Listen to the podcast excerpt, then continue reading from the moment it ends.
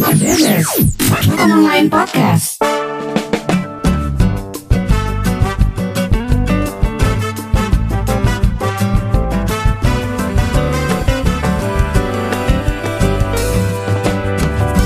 Hukum Online Podcast. Yang bikin melek hukum memang klinik hukum online.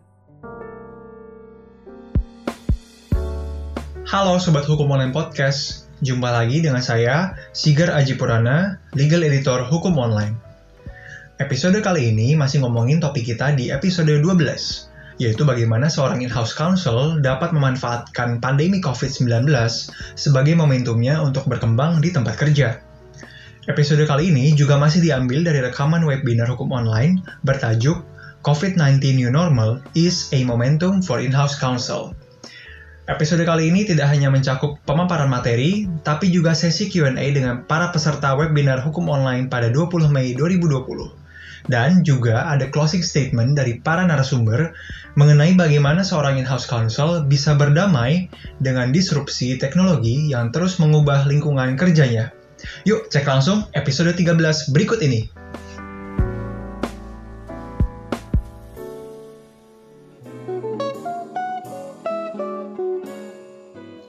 Ya, baik Pak Reza.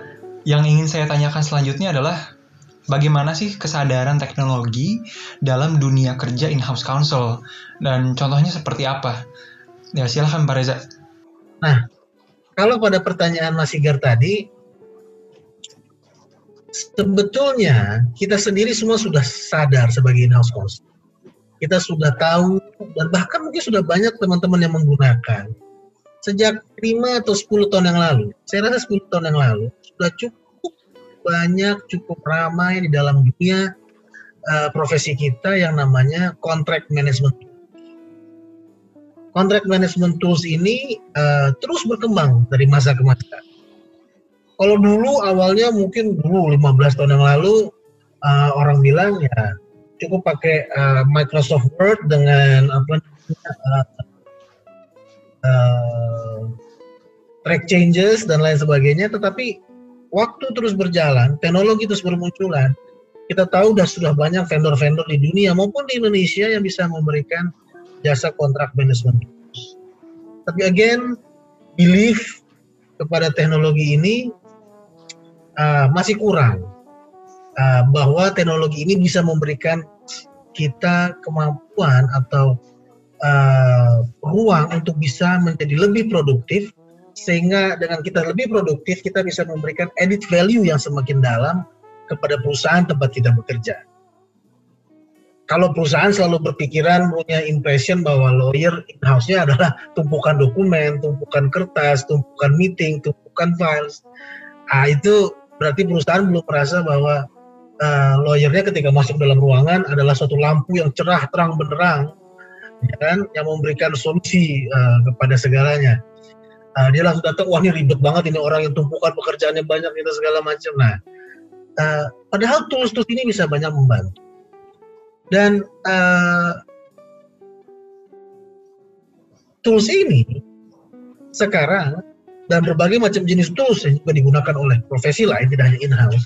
Ketika pada era COVID jadi kenyataan orang-orang yang dulu berada di perusahaan ataupun uh, berbagai profesi ya cross cross sectors cross professions uh, tidak percaya work from home tidak percaya tools teknologi tidak percaya seperti ini seperti itu kok bisa ya ternyata bisa memang bisa bukan berarti harus ya Bukan berarti kita harus berhenti tatap muka atau semuanya harus kerja online. Tidak, tetapi itu bisa. Kita hanya tergantung masalah kemauan dan tergantung masalah mindset. Dan uh, disruption pekerjaan itu bukan hal yang harus kita takuti. Bukan hal yang harus kita melarikan diri darinya. Tadi Pak Sudimin bicara kalau kita masih denial, kita akan sulit untuk beradaptasi dan survive. Disruption pekerjaan itu kalau kita lihat sejarah belakang, masa lampau, itu seiring terjadi dengan inovasi-inovasi. Teknologi yang dilahirkan. Dan in disruption, job disruption itu bukan job elimination. Tapi pekerjaan itu berevolusi dan melahirkan pekerjaan-pekerjaan baru. And sometimes lawyer is too proud to believe that their job will not be disrupted. Tapi jangan lupa, pekerjaan kita ini is one of the profession yang the one of the oldest profession in the world. Jika ada pekerjaan yang bisa hilang begitu saja dalam waktu sekian puluh tahun, terdisrupt, sorry, correct me, uh, apalagi profesi kita, it's about time probably, disruption, bukan hilang. Nah, ketika industri mobil lahir, ketika industri mobil lahir, uh, kita bisa terbayang beberapa uh, industri mobil lahir beberapa pekerjaan di dunia peternakan kuda yang dulu menjadi supplier transportasi mungkin hilang, terdisruption.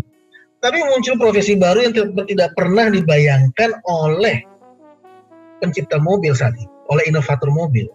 Misalnya uh, muncul yang namanya pompa bensin, industri migas digenjot besar-besaran muncul industri spare part, bengkel mobil, itu hanya tidak hanya memerlukan tenaga buruh kasar, tapi juga memerlukan ahli-ahli keahlian tertentu, skills tertentu, berentet profesi lahir di belakang. Seorang inovator tidak pernah bisa membayangkannya. Dan seorang lawyer rata-rata juga mempunyai kecenderungan tidak bisa membayangkan selama lawyer tersebut masih memikirkan bahwa saya akan melakukan itu sebelum saya mengerjakan ini dan itu saya mau lihat dulu peraturannya sudah ada atau belum. Selama peraturannya masih ada, artinya belum ada inovasi. Kalau inovasi berpikir saya nunggu ada aturannya baru saya melakukan inovasi. Itu bukan inovasi namanya. Itu melakukan hal yang sudah diatur. The first man who drive the car on the street itu nggak punya SIM. Dan bahkan mau lampu merah. Karena nggak ada undang lalu lintas tidak ada satu ahli hukum pun pada saat itu yang bisa memprediksikan akan lahir mobil. Ya kan? So, that's teknologi masalah lebih awal. Nah, itu dari segi konsep aturan hukum dan teknologi. Tetapi kita sebagai profesi jangan terbawa dengan konsep pemikiran seperti itu. Kita harus membuka diri terhadap inovasi. Dan ini kita terlihat bahwa akselerasi disruption terhadap pekerjaan kita akan terjadi dengan COVID ini. Ini sudah di depan mata dan sudah banyak profesi-profesi lain juga. Sekarang coba kita berpikir, masalah apa yang uh, menjadi di, ada di mata klien kita terhadap profesi kita. So, saya rasa ini sudah hal yang selalu muncul di mana-mana. Lawyer gue lambat banget nih gue minta kontrak gue butuh sekian hari butuh sekian minggu. Katanya tim legalnya kurang resourcesnya kurang budgetnya kurang waktunya pendek. Udah gitu birokratis lagi. Terlalu banyak prosedur saya harus kasih dokumen ini ngasih dokumen itu. Saya harus melewat sana dulu approval lewat situ dulu approval. Untuk meeting susah untuk ketemu susah. Please contact my secretary please contact this please wait until tomorrow please wait until next week And when I'm asking him or her advice about something specific in legal matters, dia bilang karena dia generalis, dia need support from law firm.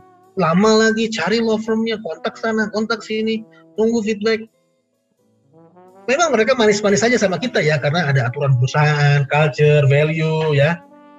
Tapi akhirnya menjadi biasa di mata mereka. Tapi kalau mereka mau jujur itu, kalau muncul solusinya dari teknologi,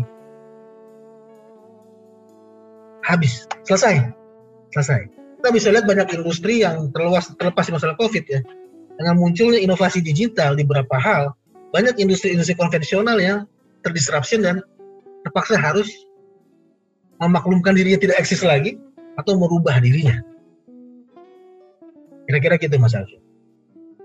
Dimin, saya ingin tanya, pada akhirnya tadi kan sudah dijelaskan bahwa ada perkembangan dan penggunaan teknologi dalam pekerjaan sehari-hari in-house counsel. Bahkan tadi Pak Reza sudah bilang bahwa masalah-masalah tentang uh, pekerjaan sehari-hari in-house counsel itu bisa diatasi dengan teknologi. Tadi dimisalkan uh, tentang appointment atau tentang advice dan lain sebagainya. Nah, Pak Sudimin saya ingin tanya, pada akhirnya apakah teknologi ini akan menggantikan peran in-house counsel di, di masa depan dan bagaimana seharusnya nanti seorang in-house counsel ini berdamai dalam tanda kutip atau berkawan dengan perkembangan teknologi? Silakan Pak Sudimin. Oke, terima kasih Pak Sigar. Pak Reza tadi menarik slide-nya ya mungkin kalau boleh saya izinkan untuk uh, menambahkan beberapa referensi karena ini adalah kekhawatiran yang tentunya bukan uh, teman-teman in-house council saja tapi yang lain-lain ya juga sama mereka juga mengkhawatirkan mungkin uh, kurang lebih hal yang sama antara job disruption versus job creation. Oke. Okay? Uh, dan bagaimana antisipasi tadi yang Pak Sika sampaikan yang perlu kita lakukan kaitan dengan teknologi, uh, kaitan mungkin juga yang lain-lainnya. Nah, kalau kita lihat kan ini yang selalu kita khawatirin, betul kan? Waduh, nanti datang robot, waduh, datang teknologi-teknologi canggih, AI, machine learning, waduh, nanti saya kan jadi nggak ada pekerjaan, hilang saya role-nya, hilang fungsi saya digantikan oleh komputer, teknologi, robot dan seterusnya. Ini yang selalu mungkin uh, banyak orang yang kalau belum memiliki pengetahuan yang benar uh, khawatir berlebihan. Dan saya mau sampaikan teknologi itu tadi yang pasti Siga sampaikan itu nggak selalu harus teknologi tanda petik adalah komputer atau IT. Nggak Pak. Teknologi itu kalau secara definisi bisa kita cari di internet ya atau mungkin di kampus itu adalah sebuah scientific approach sebuah pendekatan saintifik jadi yang bukan mistis ya yang dipakai untuk membantu manusia supaya dia bisa bekerja hidup uh, lebih baik dan lebih produktif dan teknologi itu sebetulnya bisa kita kalau balik itu sudah ada sejak zaman batu teknologi saat itu mungkin bukan komputer, tapi teknologi saat itu adalah membuat batu menjadi mungkin alat-alat bantu untuk perkebunan, uh, mungkin uh, transportasi dan lain-lainnya gitu ya. Dan kekhawatiran ini pun juga sudah ada sejak 3,3 juta tahun yang lalu pada saat teknologinya berubah.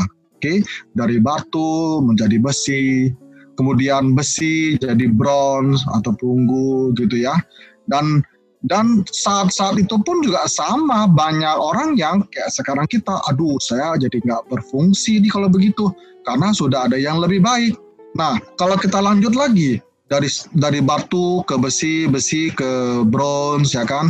Nah kemudian dari bronze ke iron itu juga sama hal yang tadi dikhawatirkan di zaman-zaman sebelumnya berlaku lagi, berulang lagi di zaman-zaman yang lebih baru. Oke, okay? dan kalau kita teruskan, kita sudah masuk di, di revolusi industri, bahkan uh, tadi Pak Reza ada sebut secara cepat, revolusi industri ini juga sebetulnya punya milestone ya. Ada revolusi industri 1.0, 2, 3, sekarang disebut sebagai 4.0. Yang membedakan adalah kalau kita lihat dari sisi waktunya. Zaman ke zaman, ternyata makin ke belakang, makin ke sekarang, itu ternyata perubahannya makin cepat.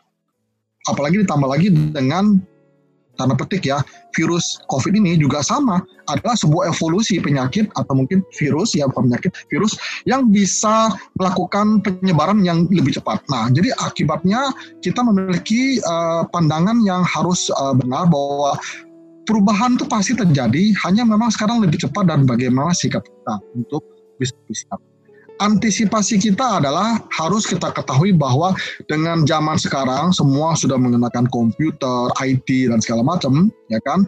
Kecepatan perubahan itu lebih cepat. Nah, jadi kalau kita masih belum sadar kecepatan itu akan datang, suka nggak suka, ngerti nggak ngerti, maka ya kita mungkin tertinggal. Beberapa teknologi-teknologi tentunya saya nggak akan terangkan lebih detail karena waktunya pasti nggak pas, ya kan? Salah satunya adalah AI, robot terkait dengan mungkin masalah kontrak dokumen yang mungkin ini adalah satu satu pekerjaan kita di Inos Council gitu kan. Zaman sekarang dengan bantuan dari AI robot itu kalau kita mau search kontrak itu udah nggak susah karena semua mungkin sudah serba digital. Kita tinggal lihat kontrak ini seberapa banyak kesamaan dengan kontrak yang lainnya dalam database kita.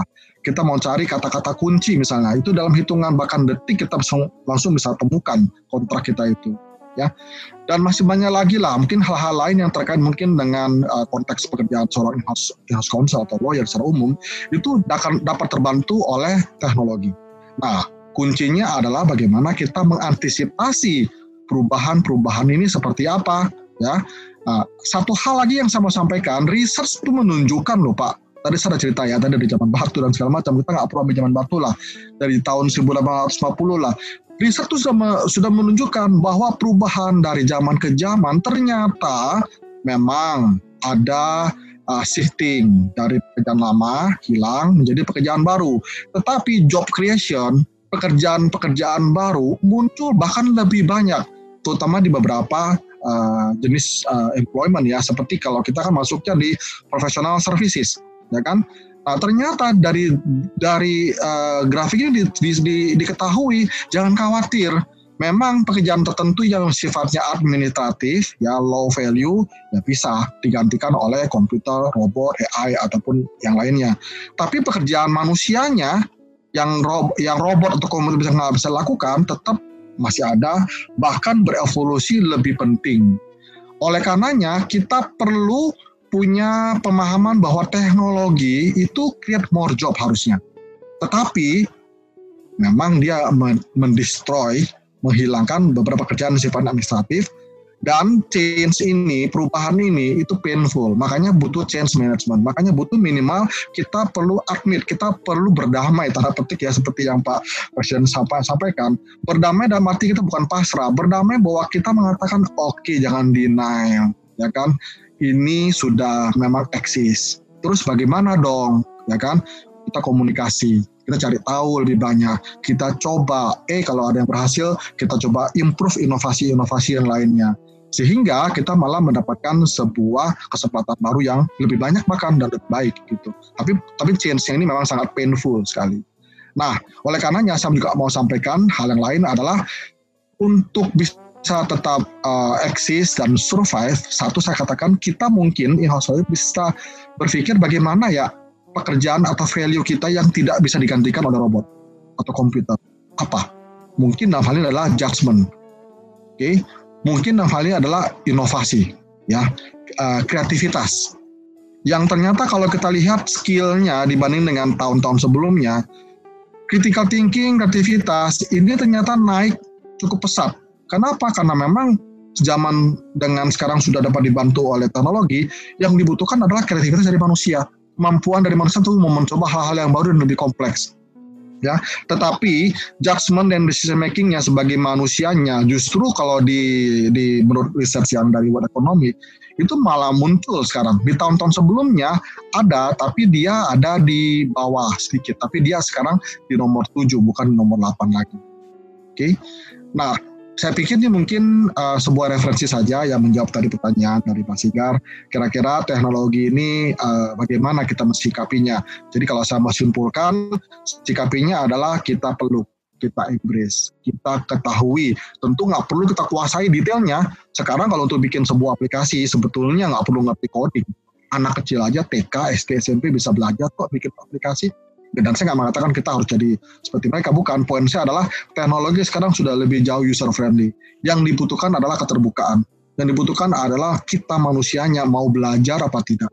Mau mendengar mungkin sharing-sharing seperti begini ya sehingga kita punya masukan yang lebih baik dan lebih positif. Untuk para peserta webinar hukum online yang ingin bertanya silahkan raise hand atau melalui fitur Q&A dipersilahkan Mungkin saya boleh langsung volunteer untuk mengomentari dari Mas Dewa ya. Betul, dari Mas Dewa Christian ada di fitur Q&A. Silakan Pak Reza. Saya minta izin ya Pak Dimin ya, saya coba jawab. Mungkin mungkin Pak Dimin masih mau memberikan siap, siap. memberikan komentarnya di sini. Siap. Uh, jadi gini, pertanyaan dari Mas Dewa adalah, apakah semua perusahaan dalam new norm ini diperlukan untuk merubah kebijakan perusahaan dalam hal employment? Konkretnya apakah harus ada permanent work from home for specified section. Uh, Oke, okay. pertama-tama disclaimer dulu ya. Uh, ini konteks uh, peraturan perusahaan untuk new norm di luar aturan pemerintah soal PSBB. Karena kalau udah PSBB, masalah pandemi, kita harus ya mau kantor tutup semua bisa tutup ya kita harus ikutin apa kata pemerintah tetapi yang mau saya yang yang saya tangkap dari pertanyaan ini dan yang mau saya komentarin adalah new norm ini kan bukti ke depannya bukti nyata di saat ini bahwa kita bisa kan? Dan pada masa-masa awalnya orang menjadi produktif. Orang menghadapi kebingungan untuk tidak menjadi over over over over workload dan sebagainya itu karena belum terbiasa seperti yang Pak Sudirman bilang. Tapi ada konsep ada caranya bagaimana bisa mengadjust diri nah menurut saya harus ada yang namanya ketentuan mengenai work from home untuk specific section untuk berapa hari tertentu atau terserah mau kapan pun work from home-nya. Uh, di tempat saya bekerja dulu itu terserah mau sebulan work from home nggak apa-apa. Mau sementing ketika diminta harus ke kantor dia bisa ke kantor. Ketika ditelepon dia bisa. Ada satu lagi perusahaan saya yang sebelumnya lagi jatahnya seminggu sekali work from home. Ada juga yang pernah perusahaan saya berbeda lagi jatahnya sebulan sekali work from home. Nah, tetapi apakah di section tertentu ada divisi yang boleh, ada yang nggak boleh, itu tergantung. Setiap sektor pasti berbeda. Ada yang memang nggak pernah bisa ditinggalkan uh, uh, dari uh, dari kantor pekerjaannya, harus berada di site. Ya kan kita bisa bayangkan kita nggak mungkin work from home untuk uh, eksplorasi minyak gitu ya, itu nggak mungkin pasti atau eksplorasi sumber daya alam. Nah, tetapi untuk hal-hal tertentu itu yang tahu ya di perusahaannya mana yang bisa. Kenapa work from home ini harus ada aturannya? Menurut saya karena ini bukan masalah kita bebas enak di rumah, work and life balance enggak. Work life and balance is not the discussion here menurut saya karena everybody has their own criteria and measurement about work and life balance. Work and life balance saya dengan work and life balance orang milenial yang baru mulai bekerja beda. Bagi dia kalau dia jarang nonton, jarang hangout sama temennya beda. Kalau bagi saya beda-beda semua ya. Nah, tetapi kenapa work from ini belum ini ini harus bagus untuk ada? Ini merubah mindset yang namanya kantor itu is no longer tempat di dalam suatu gedung, dalam satu ruangan. Gak necessarily should be like that. Coba lihat startup-startup baru dengan CEO-nya yang baru berumur 28 antara 35 tahun dengan aset yang uh, segunung dengan bisnis yang begitu hebat revenue-nya. Kantor mereka di mana? Do they even care what does their office look like? Do they even care what their office will be? But they're gonna be a big important client for a significant major law firm, right? All over the world. Kantor adalah tempat orang bekerja itu bisa ada di mana aja. Office, office, tapi place to work, you can do it from everywhere. And you can do it anytime. You can choose your own time when you have to work. Artinya, kalau ada aturan work from home, harus ada flexible hours. It doesn't mean orang harus kerja 9 to 5 dia bisa aja kerjanya dari jam 5 pagi setelah sholat subuh dan kemudian jam 10 dia berhenti sebentar tapi kan dia balik lagi kerja jam 2 tapi if there's something urgent dia harus bisa. Karena kerjaan meminta di waktu kerja yang pakemnya yang basicnya 9 to 5 dia nggak bisa keluar. Dia nggak bisa keluar. Dia harus if anything uh, ke urgent call dia harus masuk. Monday to Friday dia harus masuk. Ini yang akan membantu mindset kita untuk bertransformasi dan berevolusi dan berinovasi. Untuk pertanyaan selanjutnya saya bacakan terlebih dahulu ya. Ada pertanyaan dari fitur Q&A uh, untuk Pak Reza dan Pak Sudimin ini. Dua-duanya mungkin nanti saling bisa saling menambahkan. Uh, yang ingin saya tanyakan ini uh, anonymous attendee yang ingin saya tanyakan sebagai lawyer juga berhubungan dengan sifat-sifat klien yang memiliki latar belakang berbeda-beda. Ada yang belum memiliki keinginan menerima perubahan sistem layanan berbasis teknologi. Nah, sebagai lawyer, sebagai profesional, langkah apa atau sikap apa yang paling tepat untuk menghadapi klien uh, tersebut dalam bidang layanan hukum, khususnya dalam bidang litigasi, menghadapi klien-klien yang masih belum menerima uh, sistem layanan berbasis teknologi tadi. Silahkan Pak Sudimin terlebih dahulu. Ya, boleh boleh. Ya, saya pikir itu uh, contoh fixed mindset, ya, uh, versus grow mindset. Mungkin teman-teman bisa search di internet lah apa itu grow dan fixed mindset, ya. Tapi kalau kita kaitan dengan tadi yang saya sempat share di set saya di awal, berarti dia masih di tahap denial ya kan? Dia masih merasa ah enggak lah ini kan enggak cocok dengan saya. Saya enggak sekompleks itu enggak perlulah cukup dengan begini-begini saja.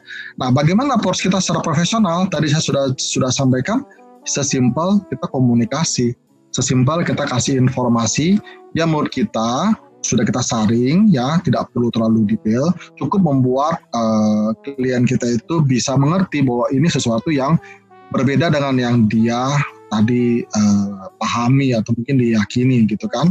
Bisa jadi setelah itu dia akan marah dan dia depresi bahwa ternyata apa yang dia pilih itu bertolak belakang dengan informasi yang diberikan. Kita kasih waktu kita dengarkan kita support dan kita berikan dia kesempatan untuk mencoba dan dari situ mungkin dari situ dari tahap itu akan mulai masuk ke tahap eksperimen dan akhirnya sampai ke alignment itu dari sisi kurva yang kebetulan tadi saya share. Nah, untuk uh, konteks fix dan grow mindset, ya tentunya kita harus uh, situasi begini malah harus mengapply, menerapkan grow mindset dan kita prepare for future.